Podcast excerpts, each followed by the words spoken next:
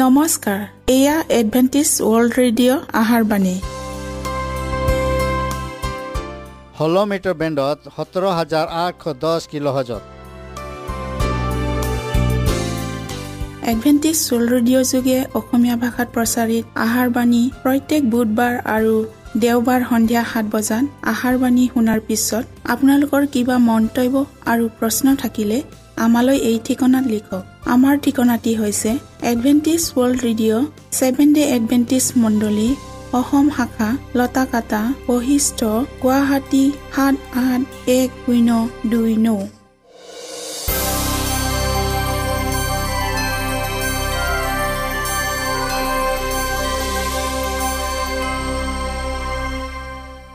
প্ৰিয় শ্ৰোতা বন্ধুসকল এতিয়া শুনো আহক এটি খ্ৰীষ্টীয় ধৰ্মীয় গীত।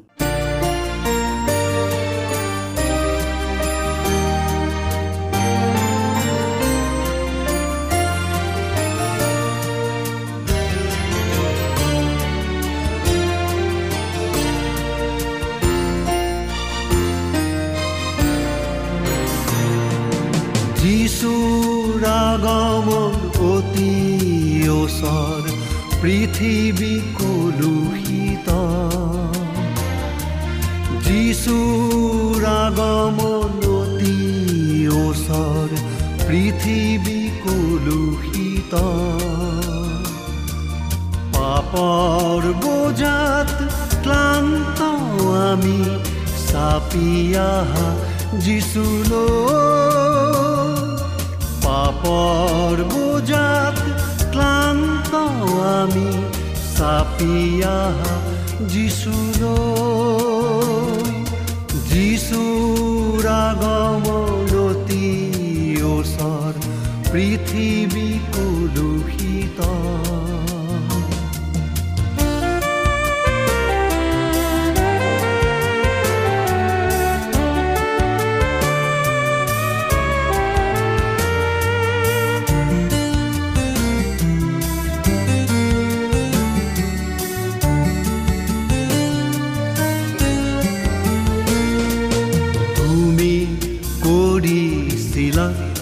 প্ৰতিজ্ঞা শেষৰ কালত তুমি বৰষাবা পবিত্ৰ আত্মা মানৱনে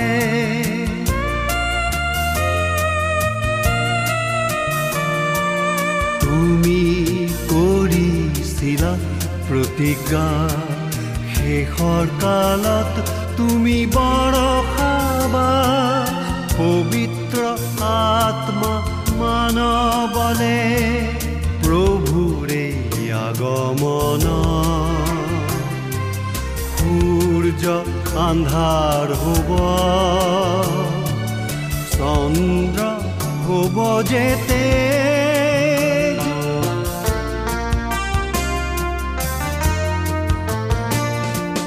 প্ৰভুৰে আগমন।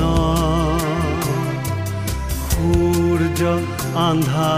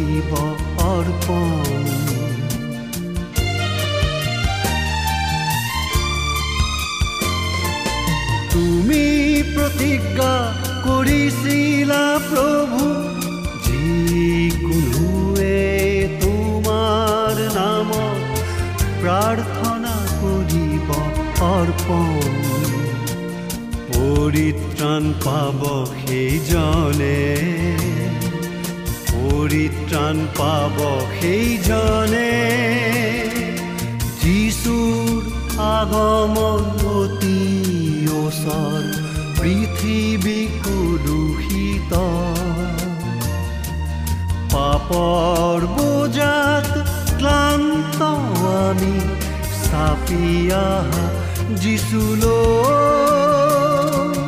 যিচুৰ আগমনতি ওচৰ পৃথিৱী কলুষিত।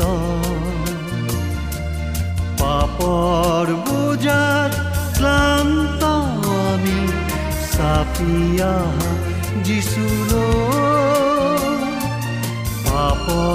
বোজাত ক্লান্ত আমি চাপিয়া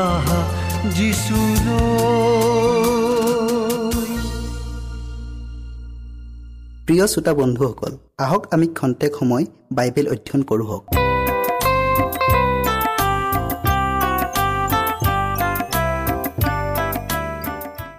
আমাৰ আজিৰ বিষয়টি হ'ল কোনো কালেও নঘটা এক সংকটৰ সময়। শাস্ত্ৰ পদ লোৱা হৈছে দানিয়েল বাৰ অধ্যায়ৰ এক পদ। সেই কালত তোমাৰ জাতিৰ মানুহবিলাকৰ বংশক ৰক্ষা কৰোতা মহাৰক্ষক দূত মিকায়েল উঠি থিয় হ'ব। আৰু কোনো জাতি উৎপন্ন নোহোৱা কালৰে পৰা সেই কাললৈকে যেনে সংকট কেতিয়াও হোৱা নাই এনে সংকটৰ কাল হ'ব। আৰু সেই কালত পুস্তকখনিত নাম লিখা তোমাৰ আটাই স্বজাতীয় লোকে উদ্ধাৰ পাব। আমি প্ৰাৰ্থনা কৰোঁ হওক। স্বৰ্গত থকা ত্ৰাণকৰ্তা প্ৰেমময় ঈশ্বৰ যে হোৱা। ধন্যবাদ প্ৰভু আকৌ এই বিশেষ সুন্দৰ সময় আমাক দিয়াৰ বাবে। প্ৰভু আমি যি বিষয়টিলৈ অধ্যয়ন কৰিবলৈ আগবঢ়াইছোঁ সেই বিষয়টিলৈ জানিবলৈ তুমি আমাক জ্ঞান আৰু বুদ্ধি দান কৰা। প্ৰত্যেক শ্ৰোতাৰ লগত পবিত্ৰ আত্মাৰ যোগেদি থকা যীশুৰ নামত খুজিলোঁ। আমেন। যেতিয়া তৃতীয় স্বৰ্গদূতৰ বাণী অন্ত পৰিব তেতিয়া পৃথিৱী নিবাসীবিলাকৰ অপৰাধৰ বাবে কোনো ক্ষমা মাৰ্জনা আৰু নাথাকিব। ঈশ্বৰৰ লোকসকলে তেওঁবিলাকৰ কাৰ্য তেতিয়া কৰি অতাব। তেওঁবিলাকে ঈশ্বৰ যি হোৱাৰ পৰা সঞ্জীৱনী শক্তি শেহতীয়া বৰষুণক তেতিয়া ইতিমধ্যে লাভ কৰিব আৰু সন্মুখত থকা সংকটময় সময়ৰ বাবে নিজকে প্ৰস্তুত কৰি ল'ব। আকাশত স্বৰ্গদূতগণে লৰা ধপৰা কৰি লৱৰি ফুৰিব পৃথিৱীৰ পৰা এজন স্বৰ্গদূত উভতি গৈ সিদ্ধ হ'ল। অৰ্থাৎ কাম শেষ হ'ল বুলি জাননী দিব। পৃথিৱীৰ ওপৰত অন্তিম পৰীক্ষা পৰিব। আৰু যিসকলে ঐশ্বৰিক বিধানৰ প্ৰতি ৰাজভক্তি অনুজ্ঞতা প্ৰদৰ্শন কৰিলে বুলি নিজকে প্ৰমাণিত কৰিব তেওঁবিলাকে জীৱনময় ঈশ্বৰৰ চাপ পাব। তেতিয়া যীশুখ্ৰীষ্টই স্বৰ্গৰ ধৰ্মধামত কৰি থকা মধ্যস্থতাৰ কাৰ্য বন্ধ কৰিব। তেওঁ নিজৰ হাত দুখন দাঙি বৰ মাতেৰে ক'ব সিদ্ধ হ'ল। যেতিয়া তেওঁ ধৰ্মধাম এৰি গুচি আহিব। তেতিয়া পৃথিৱী নিবাসীসকল অন্ধকাৰে আৱৰি ল'ব। এই অতি ভয়ংকৰ সময়ত ধাৰ্মিক লোকসকলে এজন মধ্যস্থতাকাৰীৰ অবিহনে এজন অতি পবিত্ৰ ঈশ্বৰৰ সন্মুখত জীয়াই থাকিবলৈ সমৰ্থ হ'ব লাগিব। অধাৰ্মিক দুষ্টসকলৰ ওপৰত যি অনুগ্ৰহ আছিল তাক গুচাই পেলোৱা হ'ব।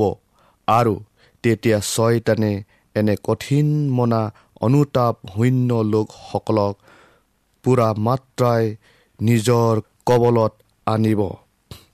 ঈশ্বৰৰ দীৰ্ঘ সহিষ্ণুতা অন্ত পৰিব। জগতে তেওঁৰ দয়াক অগ্ৰাহ্য কৰিলে। তেওঁৰ প্ৰেমক অৱজ্ঞা কৰিলে। আৰু তেওঁৰ বিধানক ভৰিৰে গছকি অৱমাননা কৰিলে। দুষ্ট অধাৰ্মিকসকলে নিজৰেই অনুগ্ৰহৰ সীমা চেৰাই গ'ল। যি ঈশ্বৰৰ আত্মাই সিহঁতক পৰিৱৰ্তন কৰাবলৈ নেৰানেপেৰাকৈ লাগি আছিল তাকে সিহঁতৰ পৰা আঁতৰ কৰা হ'ল। সিহঁত ঈশ্বৰৰ অনুগ্ৰহহীন হ'ল। অধাৰ্মিকতাৰ পৰা ৰক্ষা পোৱা সিহঁতৰ কোনো ৰক্ষা কবচ আৰু নাথাকিল। তেতিয়া ছয়তানে জগতৰ এই লোকবিলাকক লগত লৈ এক মহাসংকট সৃষ্টি কৰিবলৈ অভিসন্ধি ধৈৰ্যৰ কৰিব। যেতিয়া ঈশ্বৰৰ দূতসকলে মনুষ্যৰ অতি ক্ৰোধাদ্য চাৰি বায়ুৰ বান মুকলি কৰি দিব। তেতিয়া সকলো প্ৰকাৰৰ সংঘৰ্ষ সৃষ্টি কৰিব পৰা উপাদানবোৰ মুকলি হ'ব। তেতিয়া জেৰুচালেম ধ্বংস হোৱা কাৰ্যতকৈ অনেক গুণে ভয়ংকৰকৈ অৱৰ্ণনীয় ধ্বংস কাৰ্যত সমুদায় বিশ্ববাসী লিপ্ত হ'ব। এনে মহাসংকটৰ সময়ত যিসকলৰ হাত সূচী আৰু হৃদয় শুদ্ধ আৰু পবিত্ৰ তেওঁবিলাকেহে মাথোন থিয় দি থাকিবলৈ সক্ষম হ'ব।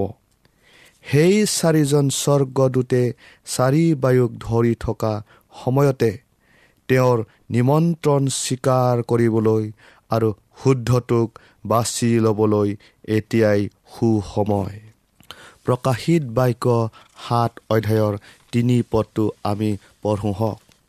আমি নিজ ঈশ্বৰৰ দাহবিলাকৰ কপালত চাপ নামাৰো মানে তোমালোকে পৃথিৱী বা সাগৰ গছবোৰক হিংসা নকৰিবা।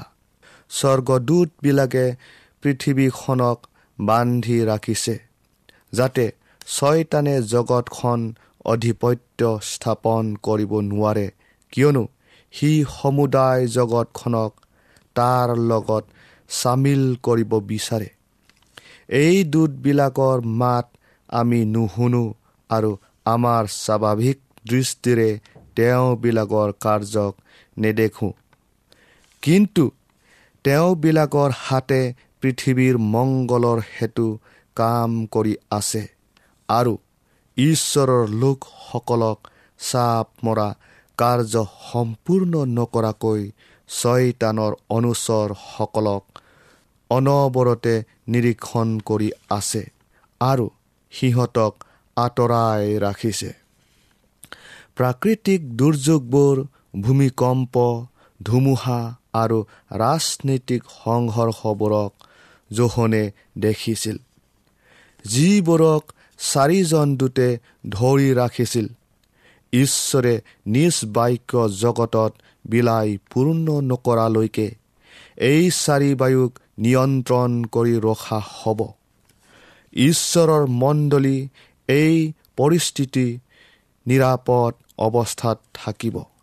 ঈশ্বৰৰ দাস দাসীবিলাকৰ কপালত ঈশ্বৰৰ চাপ মাৰি সম্পূৰ্ণ নকৰালৈকে ঈশ্বৰৰ চাৰি দূতে সেই চাৰি বায়ুক বান্ধি ৰাখিছে যাতে এই পৃথিৱী বা সাগৰ বা গছবোৰক হিংসা অৰ্থাৎ অনিষ্ট কৰিব নোৱাৰে। বৰ্তমানৰ সময় এনে এটা সময় যাক সকলো জীয়া প্ৰাণীয়ে আধ্যাত্মিক বিষয়ত মনোযোগ দিয়া উচিত। শাসনকৰ্তা আৰু ৰাজনৈতিক পণ্ডিত আৰু বিখ্যাত লোকবিলাক যিবিলাকে বিশ্বস্ততা আৰু ক্ষমতাৰ আসন অধিকাৰ কৰি আছে।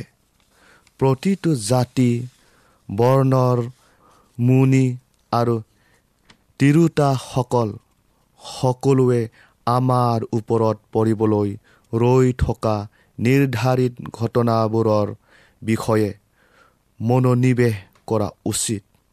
দেশসমূহৰ মাজত দেখা দিয়া টনকা আৰু অস্থিৰ লৰক পৰক সম্বন্ধবোৰৰ ওপৰত তেওঁবিলাকে দৃষ্টি ৰাখিছে। পৃথিৱীত সংঘটিত প্ৰতিটো প্ৰাকৃতিক দুৰ্যোগবোৰৰ বিষয়ে তেওঁবিলাকে পৰ্যবেক্ষণ কৰিছে আৰু তাৰ পৰা এইটো ডাঙৰ কৰিব পাৰিছে যে কিবা এটা ডাঙৰ আৰু অদ্ভুত ঘটনা হ'ব। পৃথিৱী কিবা এটা অভাৱনীয় সংকটত পৰিব। পৃথিৱীৰ ওপৰত পৰিবলগীয়া সৰ্বনাশৰ বাতৰিটো সমুদায় পৃথিৱীবাসীক অৱগত নকৰালৈকে স্বৰ্গদূতসকলে অনিষ্টকাৰী চাৰি বায়ুক এতিয়া ধৰি ৰাখিছে। কিন্তু এটা প্ৰকাণ্ড ধুমুহা জুম বান্ধি আছে। পৃথিৱীৰ ওপৰত সজোৰে আহিবলৈ উদ্যত আছে। আৰু যেতিয়া ঈশ্বৰে নিজৰ দূতসকলক সেই চাৰি বায়ু এৰি দিবলৈ আদেশ কৰিব তেনে এটা সময়লৈ প্ৰতিজ্ঞা কৰি আছে। যেতিয়া এনে আদেশ কৰা হ'ব তেতিয়া দুৰ্যোগৰ এনে দৃশ্য ৰচনা হ'ব যাৰ বিষয়ে বৰ্ণনা কৰিবলৈ কোনো কলমেৰে সমৰ্থ নাথাকিব। প্ৰিয় শ্ৰোতা বন্ধুসকল সকাহ বা আখৰি ল'বলৈ ঈশ্বৰে আমাৰলৈ অতি অনুগ্ৰহময় এটি ক্ষণ দান কৰিছে যিসকলে সৰ্বনাশৰ পথত গতি লৈছে। তেওঁবিলাকক ৰক্ষা কৰিবলৈ ঈশ্বৰে আমাৰ ওপৰত যি কাম অৰ্পণ কৰিছে তাক সম্পাদন কৰিবলৈ স্বৰ্গৰ পৰা আমালৈ প্ৰদান কৰা সকলো প্ৰকাৰৰ শক্তিক আমি এইখনতে সৎব্যৱহাৰ কৰিব লাগিব। পৃথিৱীৰ চুকে কোণে সতৰ্কৰ বাণী প্ৰচাৰিত হ'ব লাগিব। প্ৰিয় শ্ৰোতাসকল এটা মহান কাম সম্পাদিত হ'ব লাগিব আৰু এই মহান কামটো সম্পাদন কৰিবলৈ সেইসকল মানুহৰ ওপৰত অতি বিশ্বাসেৰে অৰ্পণ কৰা হৈছে যিসকলে বৰ্তমানৰ সময়ৰ সত্যতাটোক জানে। কৃষ্টই আপোনালোকক আশীৰ্বাদ কৰক।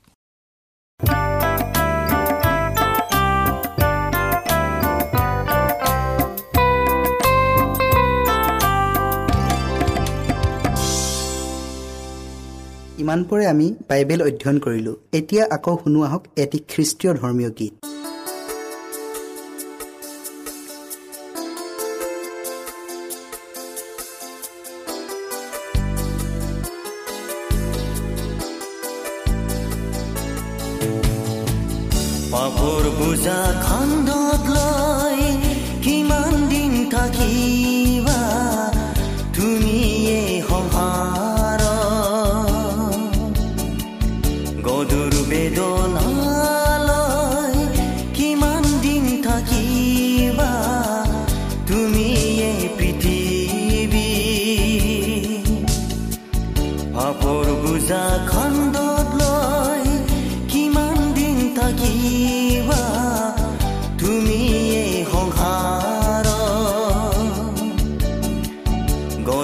quedó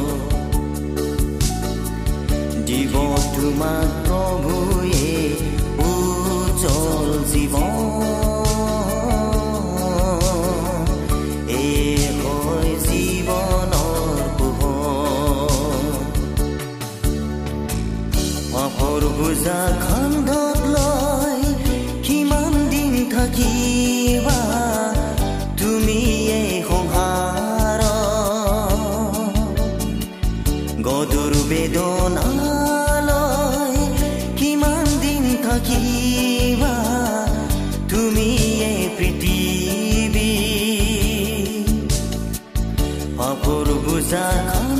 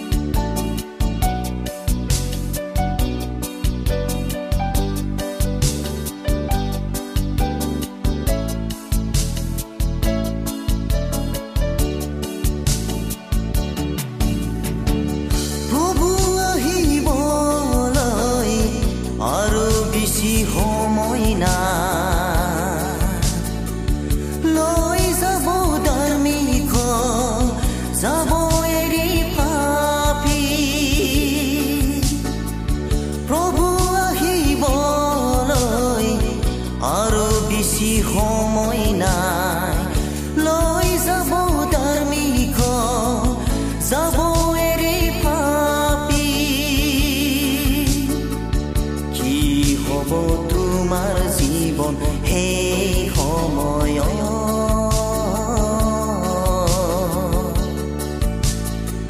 ভেলাই দিব তোমাৰ জীৱন অপিকুণ্ড কি হ'ব তোমাৰ জীৱন সেই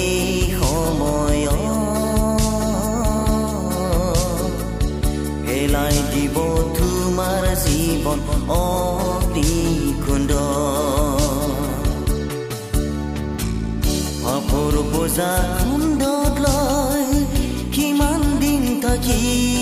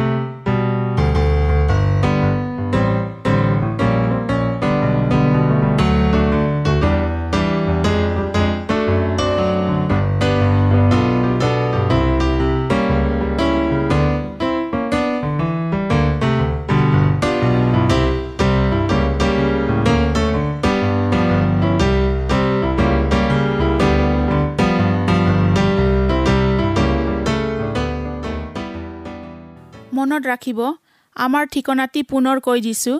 Adventist world radio' Assam region of seven day Adventist voice of hope Latakata Basistha Guwahati seven eight one zero' two nine প্ৰিয় শ্ৰোতা বন্ধুসকল এডভেণ্টিজ ৱৰ্ল্ড ৰেডিঅ' যোগে আহাৰবাণী প্ৰচাৰত আপোনালোকক পুনৰ লগ পোৱাৰ আহাৰে আজিলৈ সামৰিলোঁ। ধন্যবাদ।